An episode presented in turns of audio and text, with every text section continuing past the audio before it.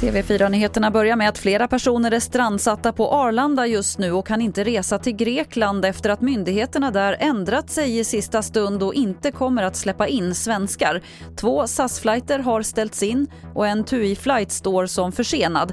Adam Björki är presschef på TUI.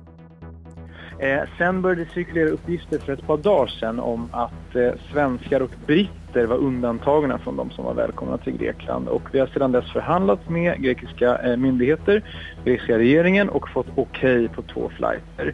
Eh, Likaså tolkar jag SAS som att de har haft okej okay på att flyga idag. Eh, men någonting har hänt under natten och just nu försöker vi lösa det. Så om corona, för efter att många tog studenten under vecka 23 så har antalet bekräftat smittade fördubblats i Region Västra Götaland.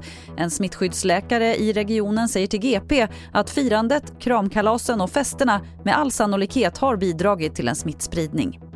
Och vi avslutar med att det är trassel i tågtrafiken på Södra stambanan efter att flera kontaktledningar revs ner i närheten av Malmö i natt. Stoppet påverkar all tågtrafik till och från Malmö och enligt den senaste prognosen från Trafikverket kommer det vara stopp ända till imorgon bitti. Det var det senaste från TV4 Nyheterna. Jag heter Lotta Wall.